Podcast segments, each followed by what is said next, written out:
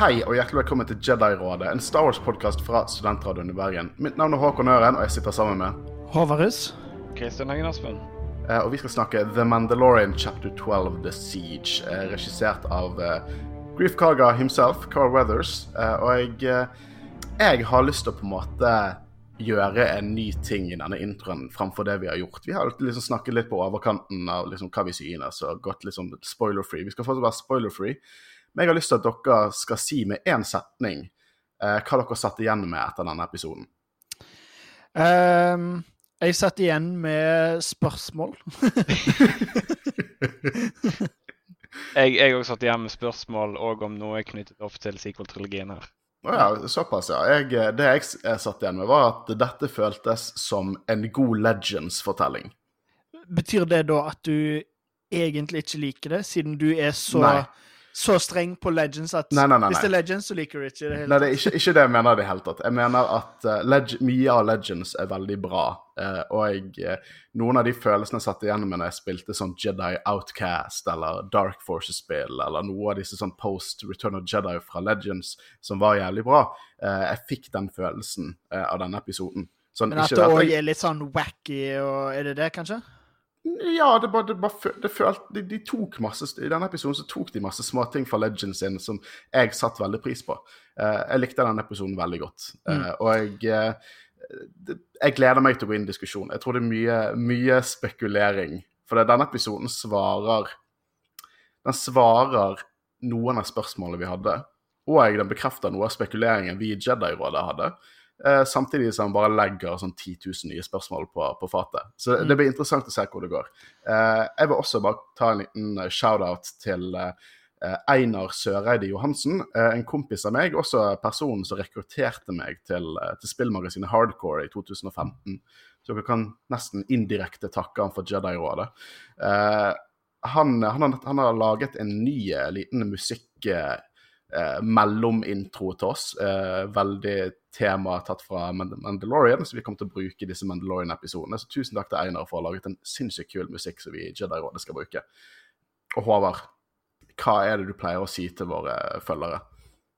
Jeg pleier jo egentlig å si det i slutten, da, kanskje? Eller det er varierer jeg litt du spennende. sånn, ikke at de bare skrur av, og så får ikke de høre din eh, fløtemyke stemme Jeg, jeg, jeg, eh, vent nå litt her. Jeg trodde det var jeg som hadde fløtemyk stemme her.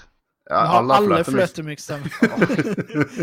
Men jo da. Jeg trodde jeg var spesiell nå. Eh, Sjekk oss ut på Instagram og Facebook. Og eh, ja, har du spørsmål, har du lyst til å si noe, har du lyst til å diskutere litt, send oss en melding. Så, eh, så er det alltid koselig, det.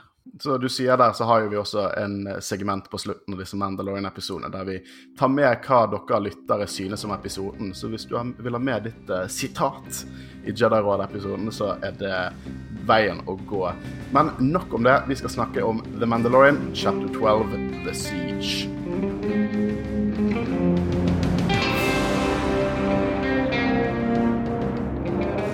Må advare om at dette her er en spoilersending, så hvis ikke du har sett episoden, så må du slå av nå.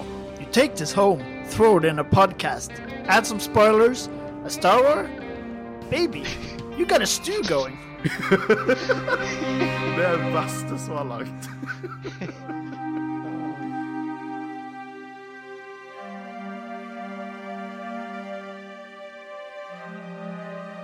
Så The Mandalorian chapter 12 The Siege. Begynner med Razor Crest, fortsatt ganske fucket, egentlig. Og en er kanskje den søteste scenen i hele serien. Veldig baby Groot fra Guardians of the Galaxy 2, egentlig. Men Hva, hva som skjer her? Nei, her er det basically Baby Yoda som har krøpet gjennom en sånn der liten inngang for at han trenger hjelp. Eh, Menn trenger hjelp til å ta noen ledninger sammen for å få flyet, eh, skipet til å gå litt uh, bedre. Men jeg, jeg skjønner ikke helt hvorfor han i det hele tatt trodde at det skulle funke. Men jeg må, jeg må bare spørre, for at jeg, hvis, når dette skipet ble bygget, og dette tilfellet skjer, og han har vært alene, det må jo vært en mulighet for han å få dette til på egen hånd òg? Eller er jeg helt på jordet? Jeg satt faktisk og tenkte på det. Hvordan i helvete skal du få tilgang til de, det, det kretskortet som er der inne? Har alle med seg en sånn minigubbe som de bare putter inni og Men mesteparten pleier jo å egentlig ha med seg en droid. Så det er nok kanskje litt det at Ah, eh, ja. han liker ikke droider så godt. Så han har aldri hatt det. Ja, nei, jeg syns scenen var ganske søt. liksom, Baby Ja, bare holde eh, begge ledningene i hver sin hånd. Men så- så all, den der, eh, alle, alle de lydene Baby Yoda lager, det er liksom Fy søren. Men han er jo, som vi sa i episode to, han er en mer deltakende del av liksom Han er mer enn McGuffin nå. Han, han kan farger, blå og røde. Han kan bare ikke avansert liksom tech i forhold til uh, spacecrafts i Star Wars, men jeg vet ikke helt hva som er forventet. Men det er sånn, når han electrocuter eh, seg sjøl, og så kommer røyken, og så hoster han vekk røyken Det er vel, vet du hva, Humoren i denne episoden er spot on. Mm. Eh, men det er også en scene her som jeg hang meg litt fast i. For de sitter rolig, eh, rolig øyeblikk, de sitter og spiser suppe. Og så tar Mando og løfter hjelmen sin for å spise suppe. Og jeg tviler ikke på at selvfølgelig er det ting han har gjort før. Liksom som vi ikke har sett. Det er bare naturlig at han må løfte hjelmen sin litt opp for å spise. Men jeg syns det er interessant at de spesifikt viser en scene, og at liksom barnet ser opp på han sånn med et spørsmålstegn i øynene.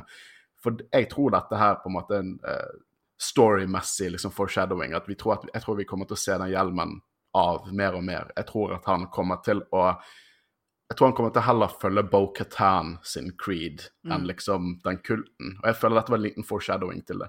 Ja, ja, fordi du sier jo det at det er noe han må gjøre ganske ofte, men jeg tror at han eh, Bortsett fra i eh, episode hva var det, fire i eh, sesong én, der han basically tar av seg hjelmen i et vindu foran alle andre, så Ja, tror jeg nok at han tror nok han pleier å, å gjemme seg litt, selv for Baby Yoda.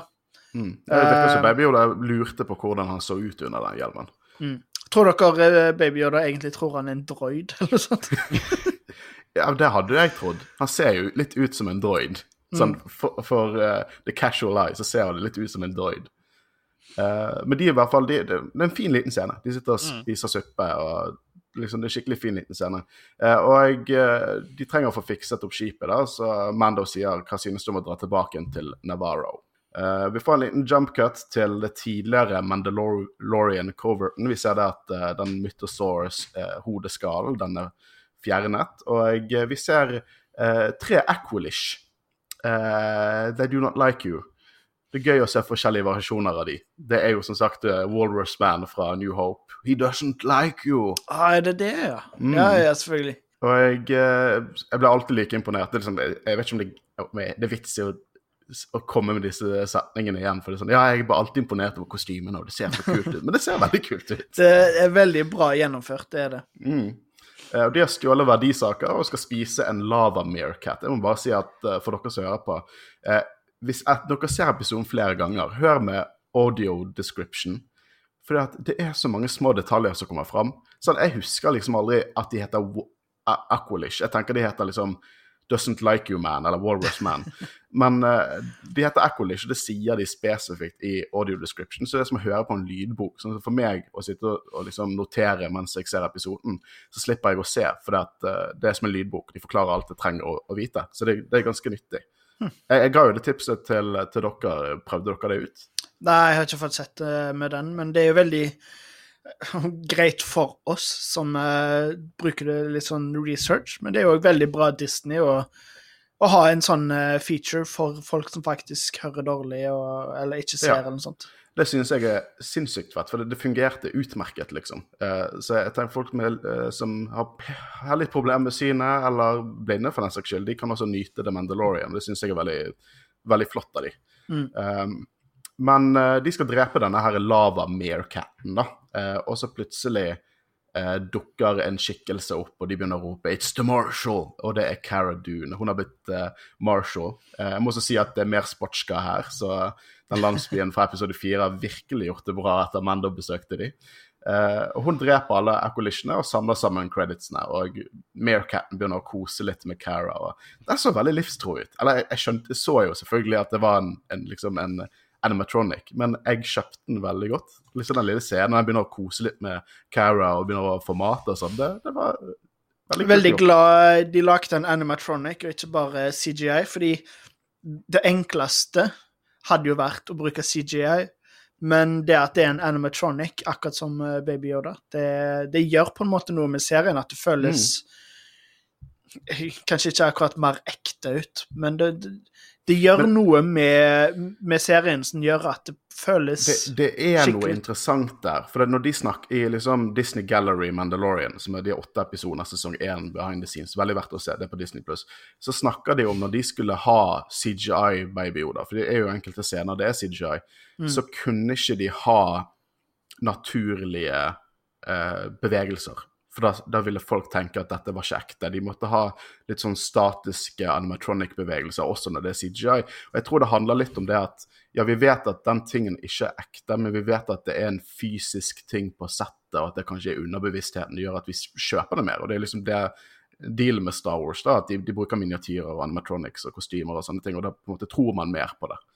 Selv om det teknisk sett ikke ser mer realistisk ut enn det hadde på en måte gjort med, med CGI. Det er litt sånn Uncanny Valley-oppleggen, tror jeg. Um, Razor Crest lander da, ser ikke bra ut. Lade, denne landerampen går bare halvveis ned, og Den minner meg om en spesifikk scene fra Clone Wars, eh, Christian. Jeg tror ikke du har sett det, Håvard, men når Obi-Wan lander på Mandalore, og så kommer han i sånn gammelt skip til Anakin, og så han kler seg ut som en dusørjeger, og så går liksom skipet sånn, landerampen sånn halvveis ned og ser helt falleferdig ut. Det er en veldig liten scene. Kan hende at det er bare jeg som har hengt meg på det, men eh, det var det første jeg tenkte på. Eh, men The Crew is back together. Alle er glad for å se Baby Yoda. Her er Cara Dune og litt eldre Grief Carga. Og den lille scenen når han tar Baby Yoda bare sånn 'Har Mando vært grei med deg?' 'Å, sier han har vært grei med deg.' Og det er liksom Det er som en onkel til han eller sånt. Det var veldig koselig. Ja. Uh, og vi ser en Mimbanis uh, som holder på å fikse Razor Crest sammen med en annen. Mimbanis er jo selvfølgelig rasen som var eh, litt i bakgrunnen eh, på Mimban i Solo av Star Wars Story. Eh, også nylig vært med en, en karakter som er Mimbanis i, i Star Squadrons. Uh, og jeg må bare si at uh, den ene Mimbanisen gir et litt sånn det er en litt sånn shady scene, diskré shady scene, der musikken treffer inn, og han driver og ser på Mando og sånn. Og da, da ropte jeg til skjermen Hva er det du ser på, fuckface? Ja. Det er Jeg føler nesten det er blitt uh, Det er blitt en klisjé i, uh, i, Mandalorian at hvis noen ser på noen, så vet du at OK, senere i episoden så kommer de til å gjøre noe Enten noe bra eller noe teit. Sånn som i forrige episode, når det var en dame som bare random så bort. Du du vet at hun kommer til å være en del av historien senere. Eh, jeg fikk nå litt kjeft fra, fra Guro, da. Eh, Samboeren min. Eh, hun het hva, hva var det for noe? Og så sier jeg kom an, du vet jo at denne personen har gjort et eller annet shady. Eller kommer til å gjøre noe shady. Du vet det. Men Navarro har utviklet seg noe til de grader. Uh, det er fargerikt, det er masse happy folk. Uh, handel. Det er en helt annen stemning enn fra sesong én. Uh, og vi får høre at, høre at Marshalls og Cara Dune hun har fikset opp byen. Og til og med IG11 har fått sin egen statue, som vi ser i bakgrunnen. Så var veldig Å, det la jeg ikke merke til. Mm. Really? Ja, det er, stor, det er veldig, veldig i bakgrunnen. Jeg la ikke merke til det før jeg så noen recappe episoden, liksom. Star Wars Explained. Eh, og jeg, eh, så det, det var en kul liten detalj. Jeg liker at det bare er litt i bakgrunnen. Det er på en måte worldbuilding, da. Eh, Mm. Og jeg eh, Ah, tøft. han, har, han, har jo, han har jo reddet byen, han, sant? så han fortjener jo Jeg syns Queel fortjener en liten statue også. Bitte liten statue. Ja, ja, ja. De går inn, eh, de går inn i en, eh, en barneskole, rett og slett. Eh, og der, det som er, jeg, ok, så jeg, jeg, Det er veldig koselig, og liksom, hele dealet er jo at Grief Carga insisterer på at barnet skal være på skolen, mens gruppen gjør liksom farlige ting. og, og jeg, eh, alt det der. Men jeg må gå inn på alle de nerdetingene som den protokolldroiden snakker om. For han snakker, den droid, Det er en lærer som protokolldroid, og, og snakker om liksom sånn Coruscant til hovedstaden i, uh, i gamle republikken, og nevner at nye republikkens hovedstad er for øyeblikket på Chandrilla. Og det har vi snakket om. Eh, for det er Mon Mothma, når hun tok over så eh, Supreme Chancellor, så gikk hun med en rekke verk eh, for å på en måte hindre at et nytt empire skulle komme til. Et av de verkene var å eh, sporadisk endre hvor hovedstaden var, for at ikke for mye makt skulle komme på samme systemet, sånn som i Coruscant. Så for øyeblikket så har hun valgt sin egen hjemplanet, så jeg syns det er litt shady. Eh, Chandrilla. Og så under Force Awakens er det Hosnian Prime. Og dette har Cannon vært i bøkene og nevnt i annet, jeg tror, i Star Wars Resistance-serien. Men eh, først kan vi høre de bekrefte det i live action, og det er alltid litt gøy. Eh, snakker også om eh, Dette er jo ting som har vært med i Cannon før. Disse handelsrutene og eh, hyperspace lanesene som er The Corellian Run og Hydean Way. Men det original, origina opprinnelig var det liksom Legends-ting. Eh, og det er alltid gøy å på en måte Vi får ikke høre om de begrepene sagt høyt mange ganger i, i Cannon, og det er alltid gøy å høre det. eh, nevner også The Acadese uh, uh, Maelstrom, som vi kjent har sett i solo av Star Wars Story rundt uh, Castle, der Castle Run har vært gjennom. Så det er liksom bare, hvis du hører etter i bakgrunnen, så får du høre fullt av sånne små, kule law tidbits. Uh, men deal her er jo at de skal plassere Baby-Yoda på denne skolen mens de gjør, uh, gjør andre ting. Uh, og han er, han er, 50 år gammel. Sånn. Han blir plassert på en barneskole, og han er 50 år gammel. Men, altså, Du må jo tenke at han er 50 år i Yoda-år, da. Du kan ikke tenke menneskeår. Men denne scenen er den søteste i hele Yoda Eh, komplekse, holdt jeg på å si.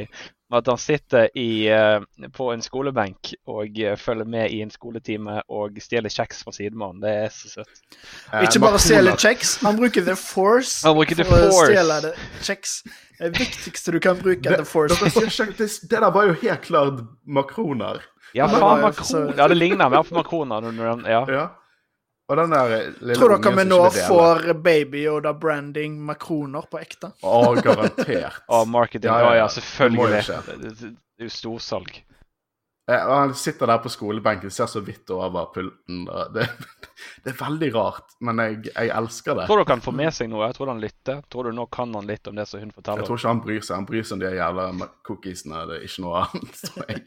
Jeg så, så, jeg så en sånn reklame for uh, noen som hadde bare lagt til ut sånn meme på Facebook, der det var bilde av McDonald's og bilde av Baby Yoda, der Baby Yoda spurte om han kunne få betalt lønn i chicken nuggets. Men en ting denne episoden viser oss, som jeg også sagt litt i denne sesongen, eller følt litt på det, er at det er ingenting som er tilfeldig i Mandalorian. Det, det, det virker planlagt. For Mythrol er tilbake. Mythrol fra episode én, spilt av samme dude, han er tilbake. Og i denne episoden for Husker du, Håvard, når vi snakket om eh, når vi så Mandalorian episode én eh, av sesong én? Vi snakket om at eh, Vi to i hvert fall hadde den følelsen, jeg husker ikke med det, Christian, at det føltes litt fanfilmy ut til å begynne ja. med. Uh, og for min del var det litt av den karakteren. Uh, men jeg har mye mindre problemer enn nå. Uh, jeg synes at han var et sinnssykt underholdende del av, det, av liksom the comic relief i denne episoden. Mm. Og han hadde et par metaspøker som var sykt gode. Og hva skjer med den fuktigheten som spruter ut av han? Er det det Kan det evacuated thorax, eller noe sånt? I guess. Det var bare så sykt weird, eh, og jeg elsker det. Det er så Star Wars-weird. Og det gir jo mening. Sant? vi svetter når vi blir stresset, sant? og den rasen spruter ut en sånn mist når han blir stresset. Og vi får jo vite litt om hans backstory, da, for han har vært økonomisk utro på Navarro. Og det var derfor eh, det var en bounty på han. Og når han har kommet ut av Carbonite nå, så skal han betale ned det han skylder, og det er vel 350 år. ja, jeg liker Jeg, jeg syns det var så morsomt at liksom av alle crimes han kunne gjort, så var det bare liksom juksa litt i regnskapsbøkene. Men de må ha lang, uh, lang lifespan, da, holdt jeg på å si, siden han har fått 350 år uh... Jeg vet ikke om han, om han jeg, jeg, vet veldig lite. Men, Den rasen har kun dukket opp i Mandalorian og i bakgrunnen av Rise of Skywalker, så det, må, jeg vet ikke om det. Men må innrømme, altså han, han kunne hatt det verre enn der han er nå. Altså, Han er regnskapsfører, han har en jobb. Ja, men Det er så morsomt, for Griff Carger som driver og, og, kutter av år for han gjennom hele denne episoden. Og han sier det i sånn slem, sint tone. Sånn 'Du gjør dette, og så kutter jeg av 30 år på, uh, på, Nei, men, på det du skylder'. Var, var, ikke det 100 år han sa? Jeg syns det var litt sånn Jo, først 100, og så 30. 30. Så um, gjengen trenger hjelp for Mando. De sier at siden du har litt tid nå, siden uh, Razor Crest blir fikset, så kanskje du kan hjelpe oss med en gammel uh, Imperial base uh, som har vært der siden Imperial erobringen, eller som keiserlig erobringen av galaksen. Er ikke det typisk? Uh, med en gang du kommer jo. tilbake til der du har uh, lyst til å besøke igjen, og så trenger de hjelp? ja, sant. Alle trenger Mando sin hjelp.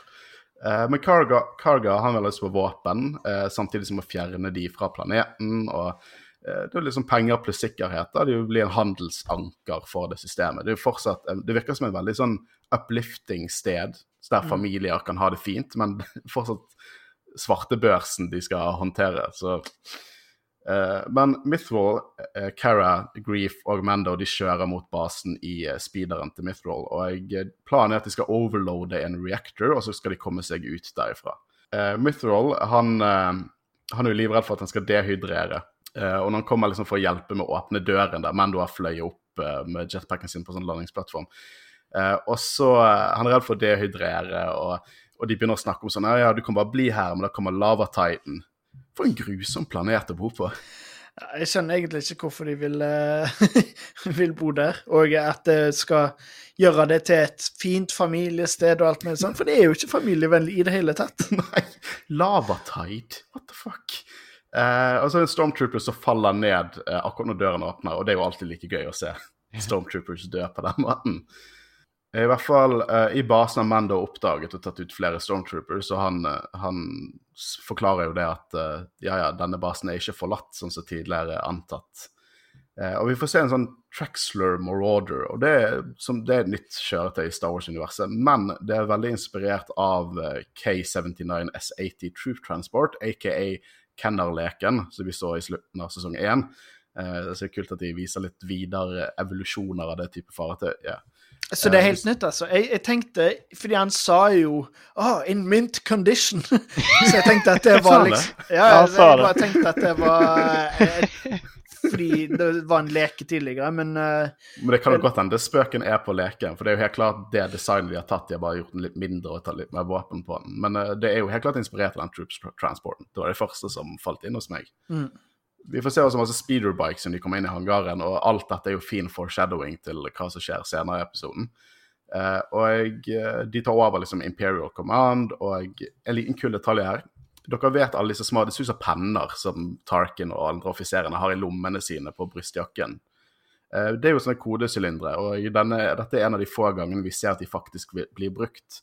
Jeg tror helt ærlig at vi ikke har sett det i live action før. Jeg vet vi har sett det i Rebels at de blir brukt, men her får vi se at det faktisk blir brukt i live action. Eh, Så det er jo en liten kul detalj. Uh, er det vi noe som har vært kodesylindere hele tida, teknisk Ja sett? Eller OK, så det er ikke noe de bare har sett liksom Å ja, på kostymet til, til Moff, eh, Grand Moff Tarkin, så hadde han en sånn en, og så har de gjort noe med det. Nei, det har vært kodesylindere i lang tid. Eh, så hele dealen er at de kodesylindrene har forskjellige tilg... Det er basically et sånn ansatt kort for Imperials. Er det har basically. Er det en sylinder R2 har eh, som Er det det samme han bruker til å eh, Ja, koble det- seg opp til det- eh, diverse systemer? Har ikke jeg tenkt over, men det kan godt hende. For at senere i episoden så sier de til Mithril 'slice this door, use this code cylinder', og så tar han den inn. Og, så det kan godt hende, ja. Det hadde ikke Det, det er en god tanke. Uh, det, det er en annen ting i denne episoden som jeg syns var veldig kult, for det føltes veldig OG Star Wars ut. Stormtrooperne høres ut sånn som de hørtes ut i New Hope. Nesten så det var samme voice actors, jeg ikke tror det, men det, det høres ut som A New Hope Stormtroopers, som var litt gøy. Eh, de går nå inn i liksom, reaktoren og ser at det er en lavapit der, selvfølgelig. Eh, og da skal på en måte uh, Mithril bli kjeftet på at han skal fikse liksom, sånn at blir, varmen overbelaster. Liksom. Den skal fikse New Hope, Obi-Wan-stil, ta ned eh, eh, Fikse på noen sånne greier. Og så sier han 'There's no guardrail here'. Eller 'There's no guardrail on this'. Så det er så gøy. Det er første gang de, de faktisk sier in universe 'Dette her er ikke trygt'. Og det er aldri trygt. Det har aldri vært riktig Star Wars. Så bare se Force Awakens, New Hope. Disse pitsene der du bare kan falle i flere timer, og det er aldri en eller annen sikkerhetsrail på dem. Så Mithril i denne episoden sier det jeg føler vi hadde tenkt hvis vi var i Star Wars-universet. Sånn, dette gir ikke mening. Jeg syns det er også litt morsomt at de, at de velger en, en person eller som er en rase som er veldig utsatt for dehydrering til å gjøre dette her. Så når de er ferdige, så driver de og unngår Stormtroopers hele tiden, og, og da får vi mye av den der New Hope-esk-dialogen. Og OK, så nå, nå, nå skjer noe stort. Dette kommer til å kreve litt diskutering. Jeg vil først bare gå gjennom før vi det vi begynner ser. med det, kan jeg bare spørre Ja. om en tanke så jeg er eh, ikke før jeg glemmer det. Er dette den eneste episoden Mando ikke har brukt flammekasteren? Han har brukt den i denne episoden. Han brukte ikke denne episoden. Man bruker jo ikke hver episode. Men han, vel, han han brukte den i Han bruker den ganske ofte, i hvert fall. Ja, jeg, mener, jeg mente han har brukt den i alle episodene, skjønner du. Hvis ikke I sesong to? Ja, og sesong én. Mindre jeg er helt på jordet. Nei, han brukte ikke alle i alle i sesong én, i hvert fall. Han brukte ikke i episode fire. Ja, OK. Ja, da er det med meg som roter. Ja, Men det er mye flammer her, da. Så. Men OK. det er det. Nå skal jeg, bare, jeg skal bare gå gjennom det vi får vite i laben, og så skal vi diskutere det vi alle tenker. Ja. Eh, Høres det greit ut? Det høres greit ut. Så de kommer inn i en lab, og det er to forskere med Camino-klone-ikonet som Dr. Pershing hadde på seg, eh, og de driver og sletter harddisker og på et kontrollpanel i panikk. Eh, og de går inn mot en tank. Det er masse tanker med vesen inni, og de ser på en spesifikk tank, og det er et vesen som minner om noe veldig spesielt. Og vi hører en veldig kjent musikk som minner om det det ser ut som. Eh, dette er ikke en keiserlig base, altså. Det er et laboratorium. Eh, og Mythrol han får beskjed om å prøve å få, finne litt informasjon. Så han får opp et sånn hologram, eh, hologram recording av Dr. Pershing. Eh, og Dr. Pershing snakker i den beskjeden om at han har problemer med å replikere noe. Det var lovende effekter på én person eller individ, men kroppen tok ikke imot blodet. Og de trenger en donor med høyere M-count. Han anbefaler å stoppe prosessen inntil videre, for den frivillige vil nok sikkert møte på samme skjebne. Eh, Så de har brukt opp blodet de tok fra barnet i sesong én, og de trenger barnet for å fortsette eksperimentene.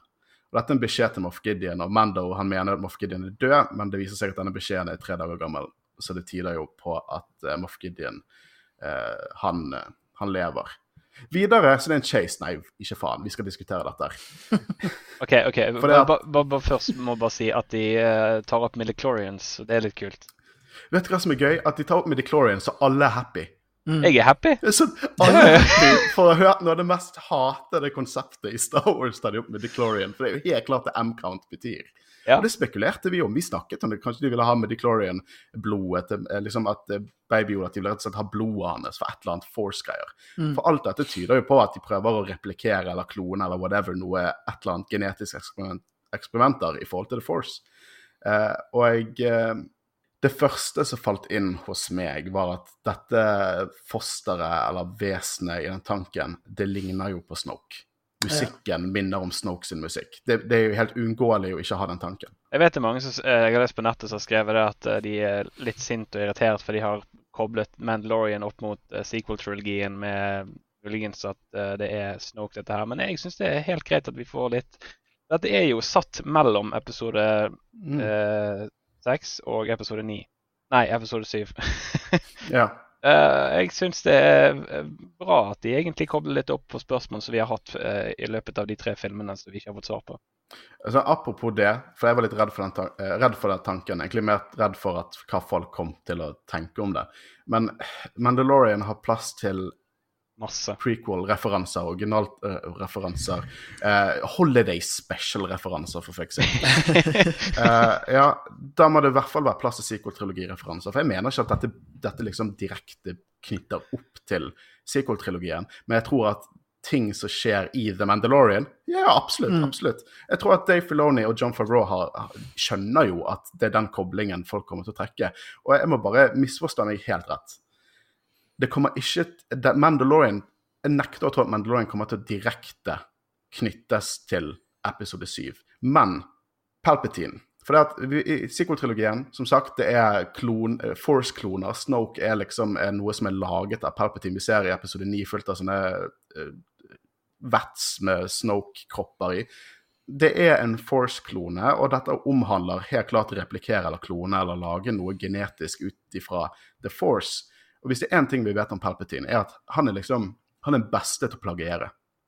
Han har masse planer, og så faller en eller annen sjanse inn i fangeren, så tar han den, eh, det konseptet, og så bruker han det videre. Jeg mener at det er helt klart en foreshadowing til Snoke. Jeg mener det ikke er Snoke, det er ikke Snoke vi ser. Nei, men, Men det, jeg tror det, vi ser sånn vi ser, vi, nei, men da, vi, ser en, vi ser en del av regnestykket. Vi ser Mm. ikke hele regnestykket som vi ser i sequel-trilogien. Jeg tror at vi ser muligens teknologi som kommer til å ende opp i hendene hos uh, Palpatine. Og, Så du Ja, tror ikke dette er en del av Palpatines plan? Du tror det er Moff Gideon som bare vil gjøre dette sjøl, og så ja. Fordi i slutten av uh, sesong én så spekulerte vi jo litt om hva, hvorfor Moff Gideon så gjerne ville ha det barnet, og det, noe av det jeg tenkte da, var at han på en måte kanskje hadde lyst å, å bli for sensitive sjøl. For han hadde jo denne darksaberen. Jeg tror fortsatt det er hans egentlige plan. Ja. Det tror jeg. Jeg tror det er hans egentlige plan. Fordi sier- de snakker jo ikke om kloner, de snakker jo om uh, Transfusion og sånne ting. Ja, og uh, Hva var det de brukte? The uh, The Volunteer. Ja. Eh, at det var, det var liksom Det virka ikke som om det var noe de hadde klona og eh, tok inn.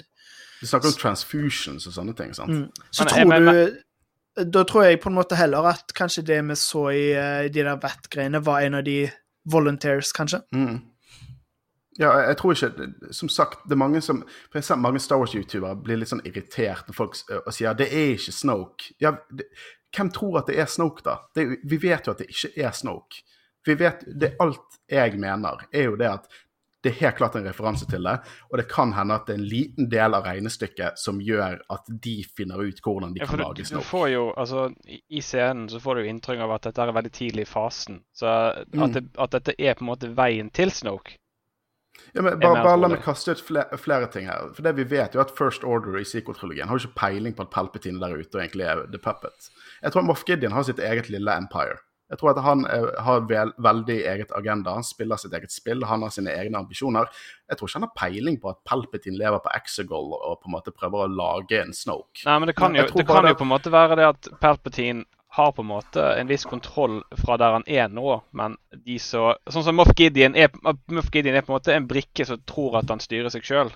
Ja, det er akkurat det jeg mener. Ja. Akkurat som, jeg, jeg, tror at, jeg tror liksom at Vi vet at Empire bare falt ned i fullt av ulike fraksjoner og på en måte ble helt splittet. First Order, Imperial Remnant, som vi ser i The Mandalorian. Jeg tror at Palpatine er fullt av agenter. Vi så jo at han hadde agenter i The First Order i form av eh, Admiral Pride. Mm. Uh, så det er liksom det, Jeg synes at det er veldig logisk at, at dette her er første del av brikken som er Snoke. Men bare for å understreke det, det betyr ikke det at Moff Gideon prøver å lage en Palpatine eller en Snoke, eller at han har noe med First Order å gjøre. Så jeg tenker at folk som på en måte blir dritforbanna fordi de er redd for at det er historien til Mandalorian, jeg tror 99% at nei, Mandalorian sin historie er Mandalorian sin historie.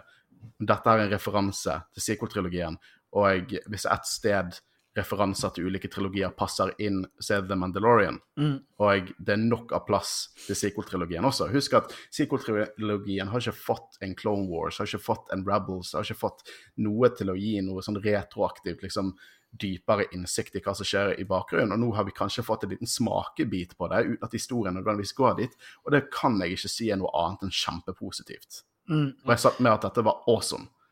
Ja, det var veldig kult, og eh, jeg håper egentlig at det ikke kommer til å være så mye mer om det. Selvfølgelig kommer det til å være, få vite mer om det på et senere tidspunkt, men jeg håper at det er bare Moff Gideon som er det. Men hvis han plutselig har en sånn stor monolog der han liksom sier å, dette her Ja, nei, jeg kloner noe for Palpatine og sånn. Så hvis det er der historien går, så kommer jeg til å akseptere det. Men jeg håper at han er litt på sine egne bein, og at han på en måte har en egen agenda. Ja, for jeg føler også, jeg føler også i forrige episode, når han sa 'Long live the Empire' eh, Altså, jeg føler kanskje at hvis han òg hadde vært på en måte eh, kjent med Palpatine, så hadde han kanskje sagt istedenfor 'Long live the Emperor'. Mm. Eller Mm. Jeg, jeg, jeg er helt enig med dere. Jeg tror at dette her er ikke noe annet enn en foreshadowing.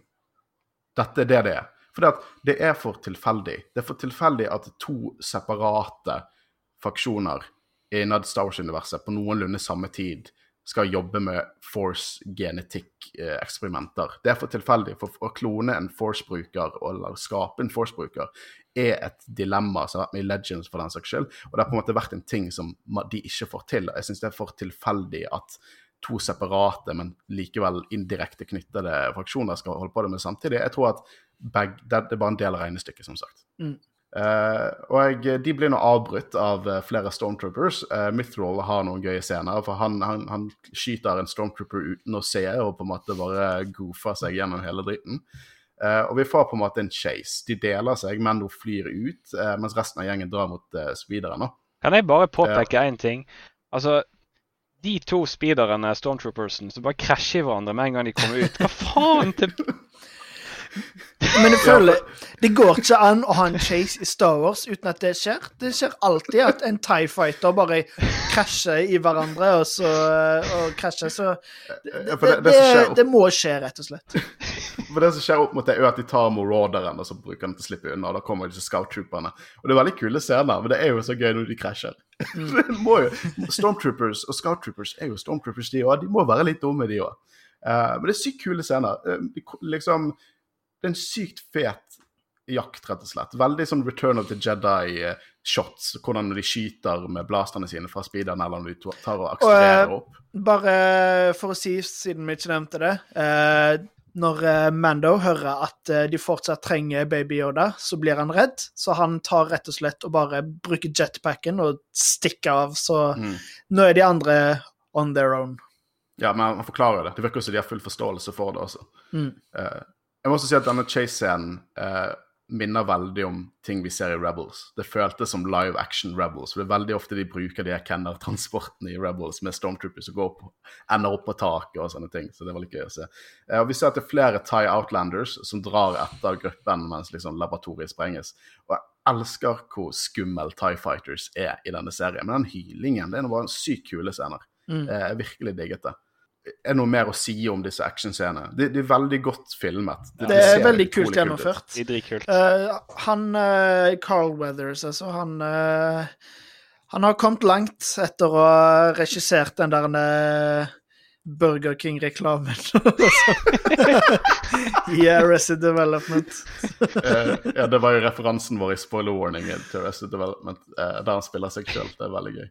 Eh, men når de på en måte er på sine siste bein og kommer seg nesten til liksom, eh, landsbyen, så kommer Rachel Crest flyvende, som The Falcon på Crate i Last Jedi, og bare nailer de Tie Fighterne. Det er awesome, awesome dogfight. Jeg har aldri sett eh, Rachel Crest har aldri virket mer kul enn jeg gjør i dette øyeblikket.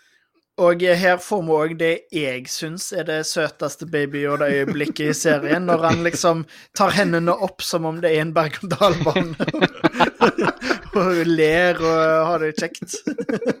Og så gulper han når han driver og spiser de der makronene. Å, stemmer det. Jeg elsker når, når da snur seg bare sånn Hva synes du om det? Oh boy.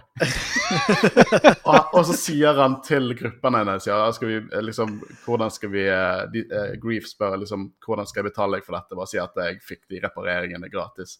Eh, og så spør han om han skal lande og få ta en drink, og sa han nei, jeg har noen onboard maintenance to take care of. Og da tørker han vekk spyet fra, fra barnet. Uh, det hopper til at vi får se et par parkerte X-Wing. Så vi får se Carson, som vi tidligere så i episode to.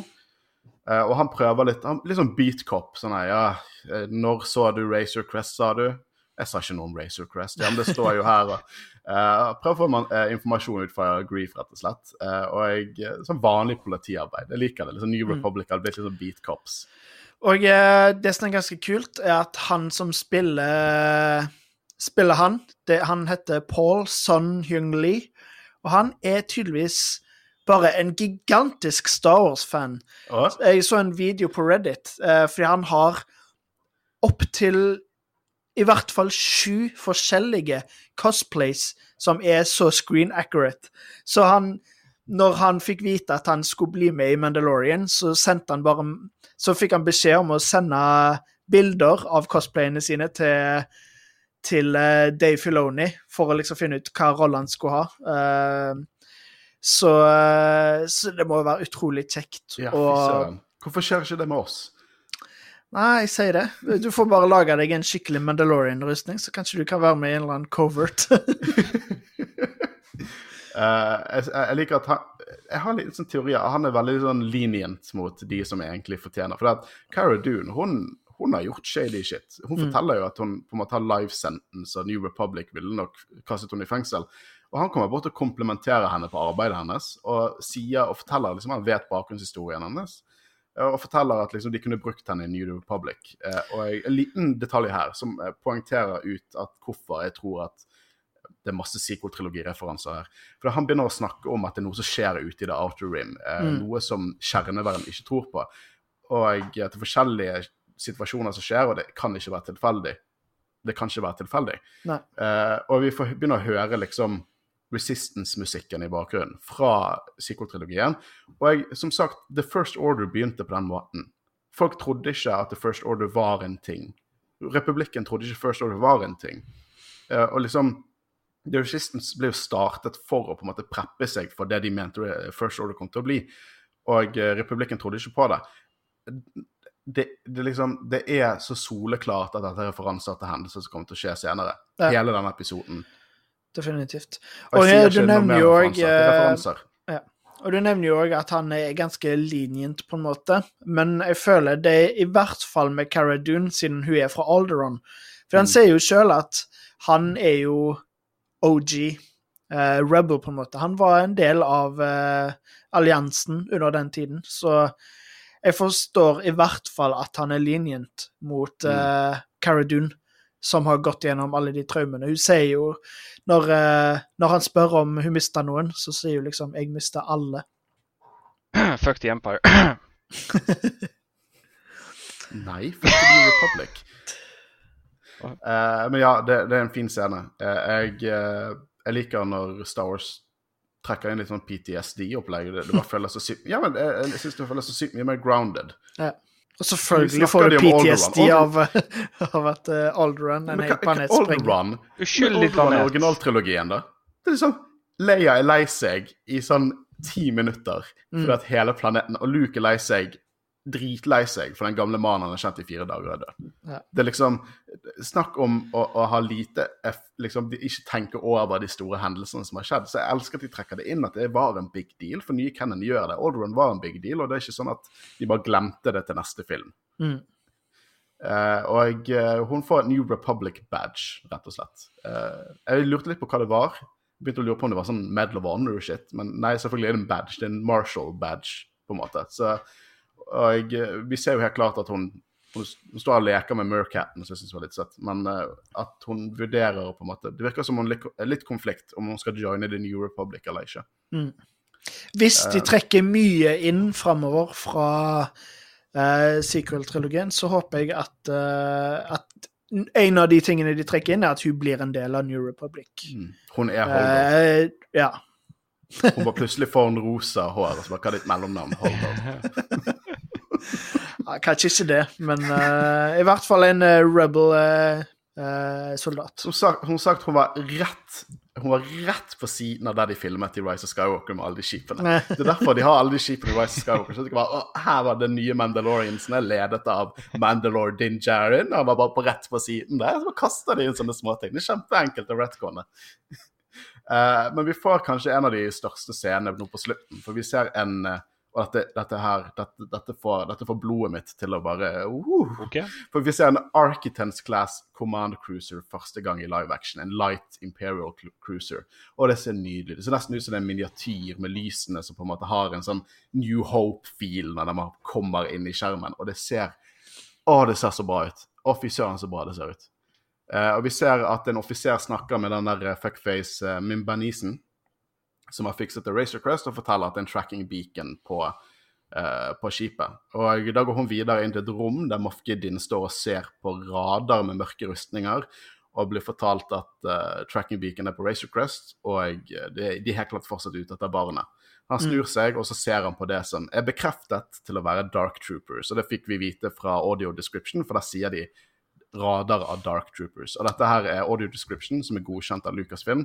Dette er første gang i Cannon-historie at vi ser Dark Troopers. Men og Dark Troopers, er det troopers med Har de force powers, eller hvordan er det Nei, så, så Dark Troopers er en stor ting i Legends, og jeg må si at jeg har mm, Jeg har litt erfaring med dem, men ikke altfor mye. Men Dark Troopers i sin enkleste tilstand er egentlig bare ekstremt uh, avanserte og veldig farlige battle droids. OK, så det er ikke i mennesker inni den? Sant? Det er Mm, Det er mer eh, så, Ok, så du, i Legends hadde du eh, tre hovedfaser av Dark Troopers, så det var egentlig mer utviklinger av selve droiden, men du hadde også en Phase Zero, som var rett og slett gamle kloner, så det hadde gjort om til cyborg-droider. Eh, du har også noe som heter Shadow Troopers, som var rett og slett Force Troopers. Så gamle Jedis har på en måte blitt liksom til mørke troopers og sånn. Eh, så hele dealet det, det er veldig kjent fra, fra Dark Forces-spillene. Eh, og da var det en karakter som het Rom Mock, en keiserlig eh, offiser.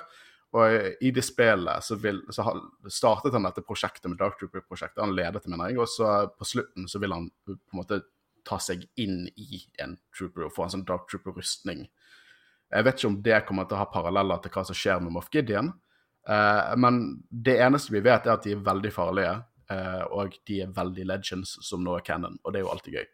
Eh, spørsmålet er jo det at er Dark Troopers og Baby Yoda koblet? Liksom, er, det, er det en connection der? Ja, fordi det jeg tenkte, var jo det egentlig at det ikke er Hvis det stemmer det at det ikke har noe med Snoke å gjøre direkte, at det bare er på en måte videre utvikling av det, så tenkte jo jeg da at han at Moff Gideon vil lage en hær med Force-brukere. At det er derfor han prøver å liksom det, det, det, klone det har jeg tenkt. Jeg vet ikke om jeg er så fan av den teorien, men jeg sier det, den, er ganske, den er jo plausible. Det, men det kan jo godt hende at, eh, at det jeg heller tror Jeg tror at Moff Gideon vil liksom bli en ny Palpatine, en ny Vader. Det som vi Da- da- da- Han vil bli han vil bli en Force-bruker, og det kan godt hende at disse Dark Troopersene er et annet prosjekt som rett og slett er et middel han kan bruke til å få tak i barna. At de rett og slett ikke nødvendigvis er knyttet. Om det er den enkleste forklaringen, rett og slett dette er farlige nye droider han har utviklet, han skal bruke de for å få tak i barnet. Men jeg utelukker ikke at det er en sjanse for at han skal prøve å lage en eller annen syk force her, selv om jeg synes det høres ekstremt wacky ut. Altså, jeg, jeg, lener meg, jeg lener meg mest mot det at altså, han blir forcebrooker, men eh, at de der soldatene der er mer supertroopers, og han har stilt sin kommando. Mm. Ikke force det er litt det jeg tenker, men det kan jo godt hende at han prøver å bruke å lage en hær med force sensitive dark troopers. Nei. For det, det, for det le- leg, Jeg tror ikke det sjøl, men jeg bare, jeg bare legger det ut uh, der. uh, sånn som Håvard allerede har lagt ut. Uh, men det er bare Det er jo en sjanse, og Legends har på en måte lekt seg med sånne, sånne konsepter. Jeg bare vet ikke om jeg liker det, for det blir så sykt sånn Tolv år gamle Håkon skal lage sin fanfiction av Star Wars. Jeg, Jeg er litt enig, så jeg, jeg håper Jeg håper egentlig i grunnen at han vil bry, bli eh, Force-bruker sjøl. Men Mm. uh, fordi ja, jeg er enig, det blir litt wacky og, og litt sånn fanfic. Men eh, det blir spennende å se. Det er jo ennå et par episoder igjen av uh, Buhu, Det vi er bare halvveis. Og det, men det som er kult, er at traileren til, uh, til Mandalorian sesong 2 har kun vist oss det vi har sett nå. Så vi går inn på helt ukjente farvann. Uh, og jeg må bare si at um, det var et par folk som var skuffet over denne episoden, som sa det var en filler. Nei, nei, nei, nei, nei, nei. Det er ikke en filler. Langt ifra. Da vet ikke dere hva- hva en filler er, for dette er ikke en filler. Eh, men eh, det var et par folk som var skuffet, og det tror jeg fordi at mange forventet Asoka. Men vi som på en måte vet at Dave Filoni har regissert neste episode, eh, Ja, vi, men- vi, vi var vel innforstått at Asoka ikke kom til å dukke opp dette, denne det er ikke, dette er ikke en filler, dette påvirker hele Nei. historien. At det ikke for å se Hele Ashoka ja, jeg er helt enig. Ja, Du sier alt ja, ja. Eh, men det jeg skulle si, var at uh, det at vi ikke får se Asoka, har ikke noe å si, for det får vi se i neste episode. Men det er så mye her med eh, holdt jeg på å si, den laben og sånn som gjør at dette her er ikke en filler. Og vi får se Moff Gideon. Dette bygger videre til noe vi får fortsettelse på seinere. Så det er ikke en filler i det hele tatt. Nei. Jeg er helt enig. Dette, her, Vi får vite, eh, vi får smakebit på hvorfor de vil ha barnet. Vi får vite hva Moff Gideon sine ambisjoner er. i hvert fall få en smak på det. Vi får vite liksom all, hele konflikten, hvorfor de er ute etter barnet, går jo denne episoden inn på. Så nei, filler eh, vil jeg respektfullt være uenig med de som mener det. Så nå skal vi høre litt hva dere lyttere eh, synes om episoden. Eh, og jeg, vi fikk enda flere svar inn nå enn vi gjorde sist gang, så alt er gøy. Um, men eh, vi får høre um, Hadde ønsket The Armor var på Navarro, men vi får eh, forhåpentligvis snart vite hvorfor. Eh, jeg forventet ikke at hun skulle være der, men vet, hun har en plass i historien fortsatt, tror jeg. Det tror jeg. Eh, vi har også en som sier filler-episode de luxe. Veldig interessant å se hvordan det går på Navarro og Labben. Eh, I respectfully disagree, men forskjellige mener er det, meninger er det absolutt plass til. Uh, var skuffet over ingen Asoka, men så kom Palpy-clone og Midichlorians. Fy faen, let's go. uh, og denne her, alt i capslock. Motherfuckings Dark Troopers og Skidjen. en som sier kul. Ja, det er jo enkelt og greit. Den var kul. Bra action, bra slutt, og most importantly, Baby Yoda fikk Space Macroner. Gøy. Likte veldig godt Mithril-mannen. Ja, jeg syns det var god humor. og Han hadde mye bedre naturlig plass i denne episoden enn jeg syns han hadde tidligere. Eh, Det var helt OK smilefjes. Ikke den beste så langt, men ingen dårlig episode. Det er lov å synes. Eh, Veldig interessant. Det tror jeg vi alle kan si oss er veldig enig i. Eh, flott episode. Jeg likte veldig godt at Grief Carga var så onkel til Baby Yoda. eh, Baby Yoda er awesome, 100% søt! utropstegn. Og kult det med labben. Ganske sikker på at det, det, har noe med Snoke og Palpatine å gjøre. Der har du det. Det har noe med det å gjøre. Det er ikke de, men det har noe med det å gjøre. Der, der er vi på samme bølgelinje her. Eh, nok en solid episode i sesong to. Kanskje den, best, eh, den episoden med best humor. Her er en. har ikke sett den ennå, men har hørt mye bra. Ja, det er mye bra. Veldig bra. Gøy å se igjen gamle, kjente og spennende episode generelt. Uh, ja, det, det, er, det virker som at uh, det var kanskje ikke like hype uh, som det var etter episode tre. Men det virker som at de fleste synes det er en ganske solid episode. Uh, som, ja det, det, er Jeg må bare si at denne sesongen har vært solid så langt, ass. Definitivt. Jeg var aldri redd for at han skulle bli dårligere enn sesong én. Fordi jeg hadde troen, fordi John Farrow vet akkurat hva han gjør sammen med Dave Filoni. Mm. Men uh, jeg, jeg håpte at han skulle holde samme uh, kvalitet, men han har faktisk bare gått over det igjen, så jeg er veldig fornøyd så langt. Jeg sier det her og nå at de to, Dave Filoni og John Favreau, bør styre storytellingen i det universet mest fra nå av. Det syns ikke jeg, for da får ikke jeg Mandalorian. Da blir de som nå gjør papirarbeidet. Jeg håper de bare fortsetter med Mandalorian, så jeg er veldig happy. jeg vil ikke at de skal gjøre sånn deals med creators og sånn. Jeg vil at de skal bare Nei, men jeg håper, jeg håper, de, Jeg håper de, altså, ikke, ikke, at de er showrunners på de andre programmene, men at de liksom har litt input i f.eks. Kenobi-serien, eh, KTOS og At de har litt uh, ja, i de andre Cassian seriene. Andor, ja. ja, Cassian mm. Andor. ja. Ja, jeg, jeg, bare, jeg er så sykt hypet på Star Wars uh, for tiden. Uh, jeg er bare er så glad i denne serien. Den, mm. Det er så gøy å se den hver fredag. Uh, og det er enda gøyere å sitte og diskutere det også. Det, det, er liksom, det, er litt gøy at vi kan spekulere litt. sant? Kan vi ta helt feil om alt vi sier. Kanskje, kanskje det er bokstavelig talt Snoke i den greien. Kanskje at de lager en hær av Force Maniacs som tilsynelatende bare plutselig ikke er med i Force Awakens. Hvem vet? Det er det, vi, det, som er gøy, for vi vet ikke hvor det går, og de har så stålkontroll. Jeg tror at For min del så kan de gjøre de tingene jeg sier at jeg ikke ønsker for serien fremover.